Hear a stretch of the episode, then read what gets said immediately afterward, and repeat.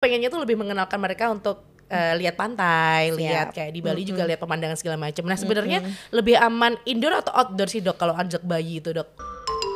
Boleh-boleh aja. Di mana pun boleh ya, kayak Boleh. museum kayak gitu-gitu. Boleh lah museum umur berapa nih? Iya. Kalau misalkan di atas 2 tahun anak sudah bisa mengenal ini bentuk, ini Iya. apa, itu orang siapa, museum ini apa, mungkin bisa ya di atas 2 tahun biasanya Iya. ya. Makanya eh, syukur-syukur bisa tiga tahun karena apa? Objek. Makanya pendidikan anak usia dini kan rata-rata kan tiga tahun Iya, ya betul. supaya dia bisa mengenal oh itu gurunya, oh itu Betul. namanya apa, suatu objek, oh itu namanya sekolahan, itu namanya eh, apa misalkan tempat ibadah bentuknya apa nah seperti Iya. itu kan anak biasanya di atas tiga tahun baru mudeng seperti Paham ya, itu Dok, paham ya tetapi kalau misalkan di bawah itu biasanya sih belum terlalu seperti itu ya jadi mengenalkan bentuk objek orang ya Iya. seperti itu baru gitu Oke. Dan sebenarnya apa sih dok eh, yang dipelajari eh, bayi itu saat berlibur outdoor dan indoor tuh sebenarnya ada perbedaan nggak sih sebenarnya? Kalau indoor sebenarnya objeknya ya, kalau Iya. misalkan outdoor objeknya bagus dan sirkulasi udara juga bagus, Lihat anak pohon-pohon, nyaman, kayak gitu-gitu ya, uh-uh, Dok? dan dia bisa mengeksplorasi dirinya dengan Iya. baik lari ya. Jadi anak itu eh, belajar, jadi gini, seorang anak pembelajaran seorang anak itu dia bisa optimal apabila semuanya terlibat. Contoh Oke. nih ya, belajar itu bola. Lah kalau kita cuman itu bola, itu loh nak namanya bola. Bola. Nah, kayak gitu mau berpuluh-puluh kali anak juga nggak ngeh. Tapi Iya. dengan situasi, nak sini deh, bola yuk pegang yuk. Sensorinya dia memegang, oh bola tuh Oke. seperti itu. Matanya dia melihat bola tuh seperti Warnanya, itu, betul. warnanya. Terus juga situasinya, pendengarannya dia mendengar kata bola. Artinya semua panca inderanya itu, oh ini bola, itu akan lebih cepat. Nah Oke. makanya kenapa ada namanya kalau anak-anak eh, PAUD ya outing kelas seperti itu supaya anak tuh bisa oh belajar di luar kelas tuh seperti ini Iya. toh gitu kan lihat kebun binatang dan sebagainya daripada cuman di kelas ini loh zebra Iya. ini loh Gambar-gambar dong. jerapah hello ayo Iya. suaranya gimana zebra ini suaranya gimana kucing meong nah kan nggak efektif Iya. dibanding dengan melihat objek langsung sebenarnya itu tujuan eh, kalau mm, dibilang menyenangkan ya advantage dan disadvantage-nya ya jelas yang outdoor Betul. ya mulai dari sisi sirkulasi udara kondisi bagus cuman sekali lagi lelah atau tidak anaknya Ya. dan sebagainya itu jadi memang kita harus mempertimbangkan kan kalau ya, efektivitas belajar jelas di outdoor Ya, betul. gitu makanya ada mungkin sekarang ada sekolah alam Ya, gitu ya, ya, itu yang benar. mendasari kenapa didirikan seperti itu kan belajar di alam lebih enak tuh daripada bosen nih di kelas seperti itu Betul. Dan kalau di outdoor tuh sebenarnya membantu perkembangan uh, motorik anak itu tadi juga. Terus Iya. apa lagi dok? Uh, Kira-kira yang bisa menarik? outdoor. Uh, Iya, yang di outdoor tuh apa lagi dok? Kalau outdoor yang jelas kognitif, motorik, speed, sosialisasi, kemandiriannya dia gitu. Oke. Jadi memang kan dia dieksplor. Kalau di, di dibatasin di suatu indoor kan pasti indoor tuh suatu yang terbatas ya. Iya, iya. Ini jadi anak terbatas oleh ruang. Oh, ini. Nah, tetapi kalau outdoor kan tidak. Iya. Ya walaupun memang ada area tertentu Iya. tetapi kan dia lebih luas. Nah, itu akan lebih mengeksplor. Mengeksplor, Nah, oke. mengeksplor. Kata kuncinya adalah mengeksplor anak itu mau ke mana Betul. gurunya minta ayo sini itu lihat gajah ke kandang gajah eh ada anak yang mengeksplor dia pengennya ke kandang ular misalkan dia tertariknya itu kan. Malah nangis lihat gajah nah gitu ya, seperti itunya jadi memang dia lebih "Lah, ya udah jangan dipaksain Iya. memang anak ini pengennya ke sana nah Iya. seperti itu nah kita memang harus memahami aduh kok kamu nggak ikut aturan sih sini loh sini ya jangan begitu gitu makanya itu lebih bisa me- apa ya mengeksplor kesukaan anak apa Oke, itu tadi mengeksplor iya. tuh semua kognitif motorik dan eh, apa ya ya itu tadi kesukaan anak itu apa sih Iya Nah, cenderung gitu. ke mana gitu ya dok Iya. ya. Tapi sering banget ya dok kayak aku tuh ngelihat bayi tuh cenderung lebih banyak menangis ketika mereka berada di area outdoor. Eh di di area indoor maksudku.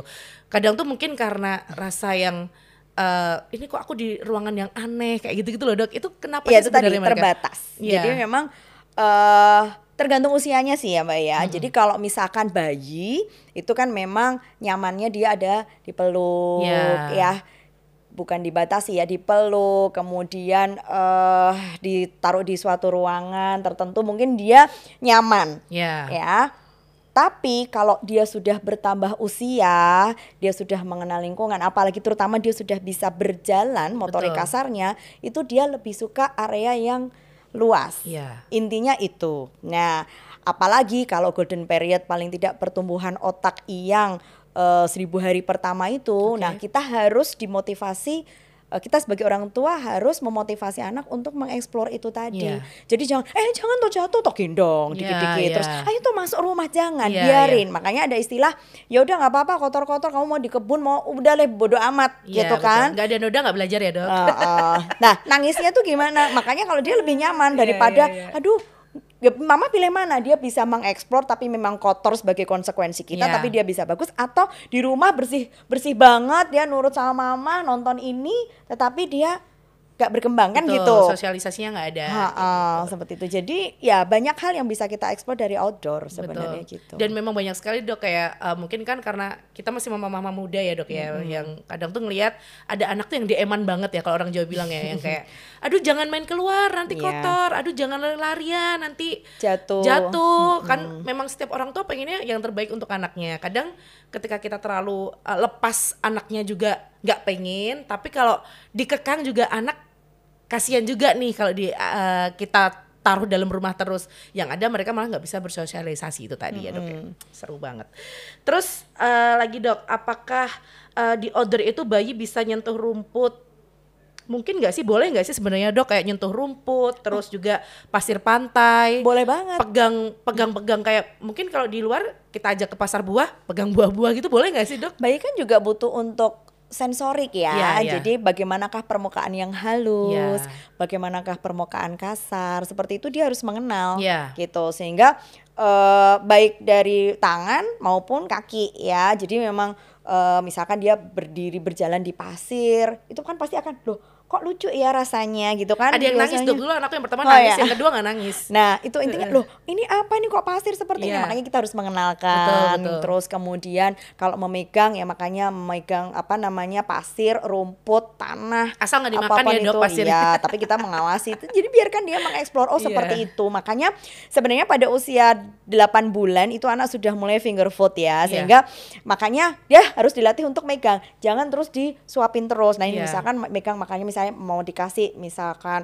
eh, nasi oh nasi itu kayak gini toh gitu Teksturnya. teksturnya terus kemudian oh dikasih pisang dipotong-potong ini kan beda-beda Iya, biarkan dia gitu. merasakan ya Betul, sebenarnya betul. dari hal makan pun anak juga sudah belajar Oke. untuk itu ya kita aja yang pengen ah variasi ah yuk healing yuk outdoor biar dia mengeksplor gitu ini sebenarnya main-main pasir kan sebenarnya di rumah juga. pun juga banyak hal yang bisa dieksplor ya dok ya Makanya eh, kemarin-kemarin selama pandemi eh, dari IDAI kan bilang kalau di rumah banyak hal yang bisa dieksplor Iya. gitu loh, nggak mesti harus keluar.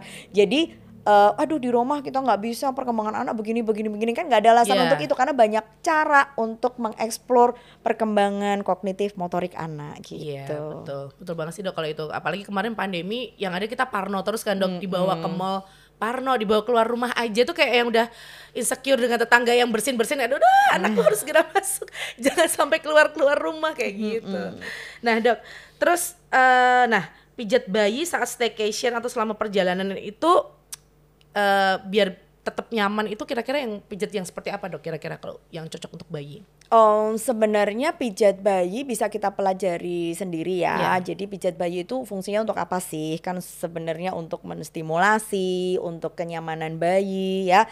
Cuman eh ya selama ini memang dianjurkan dilakukan oleh profesional. Tetapi kita sebagai orang tua paling tidak pijatan sentuhan sentuhan dari ibu atau ayahnya ya sebagai orang tua ada hubungan batin di Iya. situ itu eh lebih eh, bermakna buat bayi gitu ya. Tetapi nggak semata-mata udah capek mampir dulu dipijetin nih bayi gitu. Nggak semata-mata begitu kontennya apa dulu gitu kan. Nah, Jadi di tiap kota mampir buat pijitin bayi dok nah makanya itu tadi balik ke kenyamanan bayi selama Iya, iya. perjalanan. Dia happy-nya bagaimana sih Iya. gitu.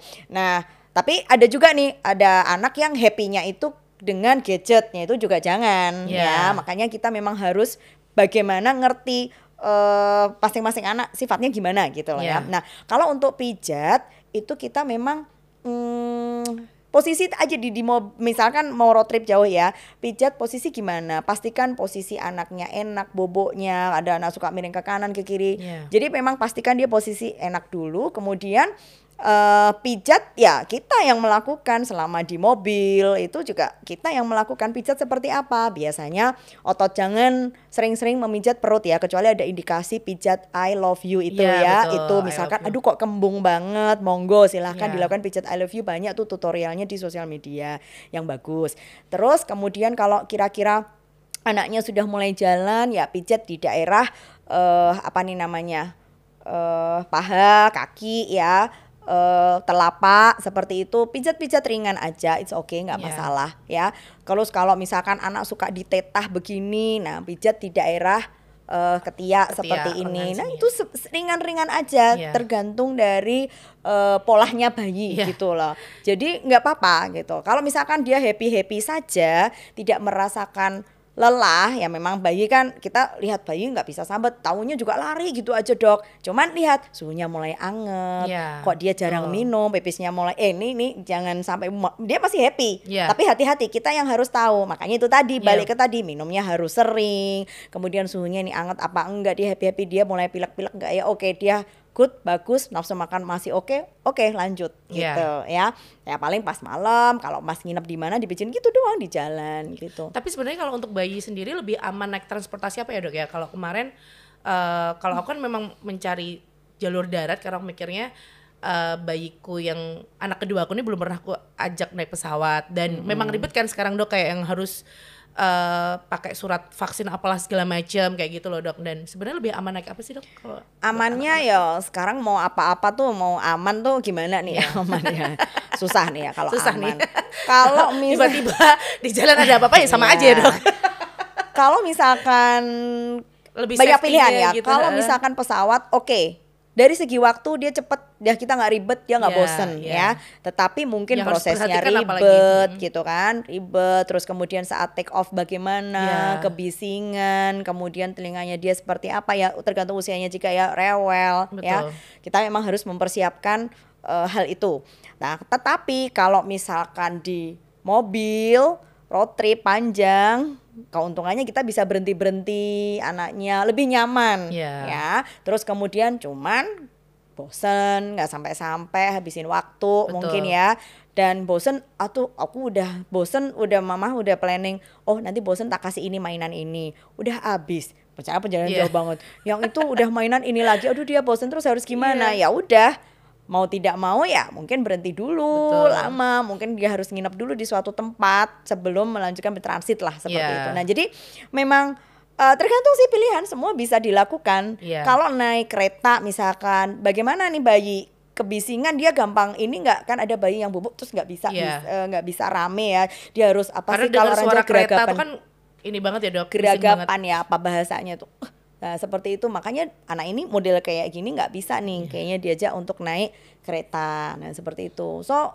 ah dia nggak bisa nih. Anakku kok ada eh, apa anak yang kayak apa ya eh, tidak bisa eh apa istilahnya itu anteng. Iya. Oh, anakku nih hiperaktif Pola, nggak sih? Dok terus itu pola ada- terus seperti apa? Aduh gimana ya kalau gini-gini? Ya lihat dulu. Nah makanya kenali anak kita dulu deh. Nomor Iya. satu itu kenali anak kita. Baik kondisi kesehatannya.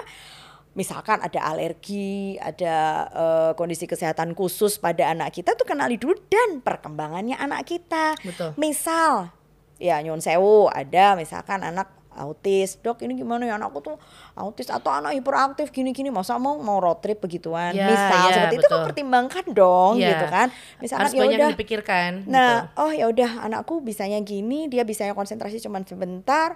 Aku harus pakai device ini ini ini. Oke, pe- perjalanan aku ke Solo Bali sekian jam. Ah, cukup ah. Bagi Iya. anak-anak yang seperti itu mungkin lebih safety itu. Iya. Tapi bagi anak yang mungkin bisa anteng, bisa ini mung- dan apa cenderung bosen tapi misalkan orang tuanya pengen berhenti-berhenti, monggo silahkan naik mobil boleh gitu. Cuman Iya. ya itu di mobil dia harus ya sedia itu banyak Iya. banget itu untuk Banyak- distraksi Banyak snack, banyak Iya. mainan segala macem itu gitu. itu pentingnya makanya nomor Iya. dua hal itu yang penting kenali kesehatan anak kita dan perkembangan anak kita gimana gitu Tapi kira-kira butuh nggak sih dok sebelum kita perjalanan jauh kita harus konsultasi dulu ke dokter untuk mengetahui perkembangan walaupun sebenarnya anaknya terlihat baik-baik saja, tapi apakah perlu nggak sih? kita Kalau tergantung ya kalau gitu. biasanya sih kalau yang perjalanan jauh pesawat antara pulau gitu. Iya. Tapi kalau misalkan pesawat misalkan Solo Jakarta gitu deket dan durasinya mungkin satu jam itu biasanya aman gitu ya. Iya.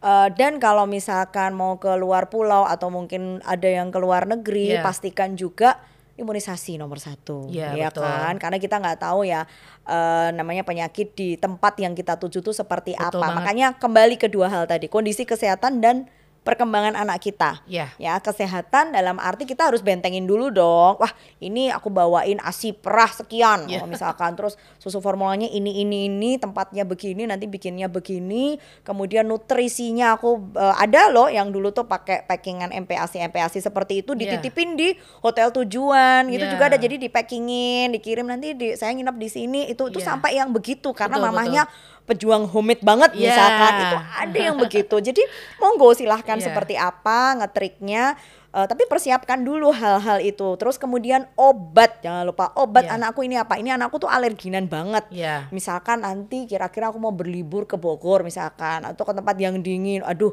obatnya berarti ini ini. Karena aku punya riwayat alergi nih dok. Iya. Nah, kalau ragu-ragu monggo. Kalau dok, kira-kira eh, persiapan obat apa ya dok yang perlu aku bawa untuk anakku mau liburan ke mana sih bu? Ke Papua misalkan. Iya. Oke, di sana ada apa? Kita bisa pelajari penyakit-penyakit di daerah tujuan. Betul. Oh, jangan lupa ya, Bu, lotion anti nyamuk. Ya. Ya, seperti itu loh. Ya, jadi memang daerah tujuan ya walaupun semua itu kebutuhan dasar ya. Ya. Kalau anak bepergian meskipun bepergian ke taman sebelah juga bisa-bisa aja sih digigit nyamuk gitu. Cuman paling tidak jangan lupa itu Iya. ya. Ke daerah-daerah tertentu yang jelas eh, obat anak-anak ya obat panas, obat anti alergi, kemudian obat sesuai dengan kondisinya dia, misalkan terus kemudian nutrisi, terus eh, itu tadi anti nyamuk Betul. ya dan penuhi dengan dasar ya, Dok, ya? imunisasi, Iya. penuhi imunisasi dasar anak kita sebelum kita pergi Oke, gitu. seru seru seru. Terus The last dok, ini uh, pesan untuk ibu-ibu di luar sana yang udah nggak sabar buat ajak anaknya staycation, vacation.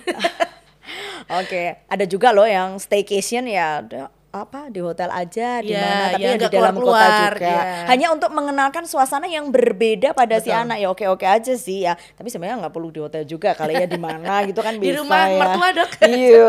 Malah indah tambah stres nanti ya. Ikut depresi. anaknya jadi depresi. Terus eh jadi itu ya. Jadi kalau eh, tips and trick aja pastikan itu tadi ya kondisi anak kita seperti apa. Tidak ada yang lebih mengenal anak-anak kita selain diri kita sendiri ya. Ya kecuali kalau papa mamahnya ada ding papa mamahnya yang nggak kenal anaknya yang kenal orang tuanya Iya. si eyang atau si pengasuh juga bisa ya ini Betul. intinya adalah eh, anak kita tuh seperti apa kondisi kesehatannya jadi jangan samakan dengan yang lain apalagi liburan karena gengsi itu nomor Betul. satu ya jadi oh Untuk sosial media aja ya dok. Yes. Oh ke mana itu anaknya tetanggaku udah diajak ke sana, anaknya temanku dari sana. Aduh masa sih, ih kuper banget sih kamu belum pernah ada aja anak kamu ke mana-mana. Iya. Lah jangan terpancing seperti itu. Tujuannya apa dulu ya, worth it atau tidaknya itu Iya, penting. Ya iya. itu itu harus penting kita sampaikan. Nah jadi tujuannya apa dulu? Kalau misalkan memang konteksnya liburan, monggo silahkan. Mau indoor mau outdoor silahkan. Tetapi pastikan ke putra putri kita masing-masing karena kondisi tiap anak itu berbeda ya. Jadi pastikan kondisi kesehatan, kemudian sudah mendapatkan imunisasi kalau misalkan ke daerah tujuan yang misalkan berbeda Ya. kondisi penyakitnya ya. Negara yang berbeda kayak Terus gitu. obat-obat jangan lupa ya dibawa sesuai dengan kondisi serta itu tadi perhatikan kenyamanan anak ya nyaman itu maksudnya bagaimana dengan eh, nutrisinya dia jangan sampai dia dehidrasi kondisi-kondisi eh, khusus yang memang harus kita jaga ya. Ba- bagaimana frekuensi pipis dan pupnya dia itu juga harus hal-hal Perhatikan seperti ya, itu harus Betul. kita perhatikan sehingga anak itu nyaman ya pilihlah juga transportasi apa dan matang dalam perencanaan itinerary sebelum berangkat. Betul. itu ya. Kemudian yang tidak kalah pentingnya adalah kenali perkembangan anak kita Yes. ya kira-kira aku mau liburan ke mana sih anakku ini misalkan eh, bagaimana kognitif motorik ya terutama motorik kasar motorik halus kemudian bagaimana speechnya dia Betul. apakah aku harus ajak ke keramaian untuk memancing dia eh, berbicara Iya, misalkan oke tetapi bagaimanakah eh, yang hal harus diwaspadai. Ini anak harus terpapar orang banyak loh nih, ya seperti itu ya. Iya. Kayak anak diajak mau ke mall misalkan atau ajak diajak yang banyak apa ya eh panggung Ramayana misalkan Iya. lah itu ya oke-oke aja itu nari begitu-begitu cuman kan banyak orang kita harus pertimbangan seperti Iya. itu ya kognitif motorik serta juga eh, personal sosialnya dia seperti apa takut orang atau enggak ada loh anak-anak yang produk pandemi memang kalau tahu orang itu takut. Nah, Nangis aku gitu tahu ya refleksnya. orang tua pasti pengen, ayo kamu harus dikenalkan, Iya. jangan di rumah terus. Kamu harus tahu orang. Oke, bagus. Iya. Oke, sudah benar langkahnya, tetapi pelan-pelan, jangan juga dipaksakan, Betul. gitu ya. Jadi banyak hal jangan. Itu nomor satu gengsi itu tadi. Iya. Jangan liburan karena gengsi loh. Semua ya. orang tua pasti melihat eh, terbakar melihat updatean temennya dok. Iya, seperti itu. Makanya dan konteksnya apa ya? Iya. Perhatikan juga benefit buat anaknya, Yes. bukan buat bapak orang ibunya. tuanya karena sudah seringnya orang tuanya kalau liburan jadi anak-anak ini dikenalkannya kalau sudah paham aja kan Iya, sip. seru banget topik bahasan kita eh, hari ini terima kasih banyak dokter Galuh Sama-sama. semoga kita bisa ketemu lagi Sip, Nah, oke, anytime. jadi intinya seperti itu mams Eh, kalau kita mau ajak anak dilihat dulu kondisi anaknya jangan terbawa gengsi juga betul dan juga pastikan eh, kondisi kesehatan anaknya itu baik atau tidak nah Terima kasih banyak Dokter Galuh. Sampai Oke. jumpa di Mamstok berikutnya. Bye-bye. Bye.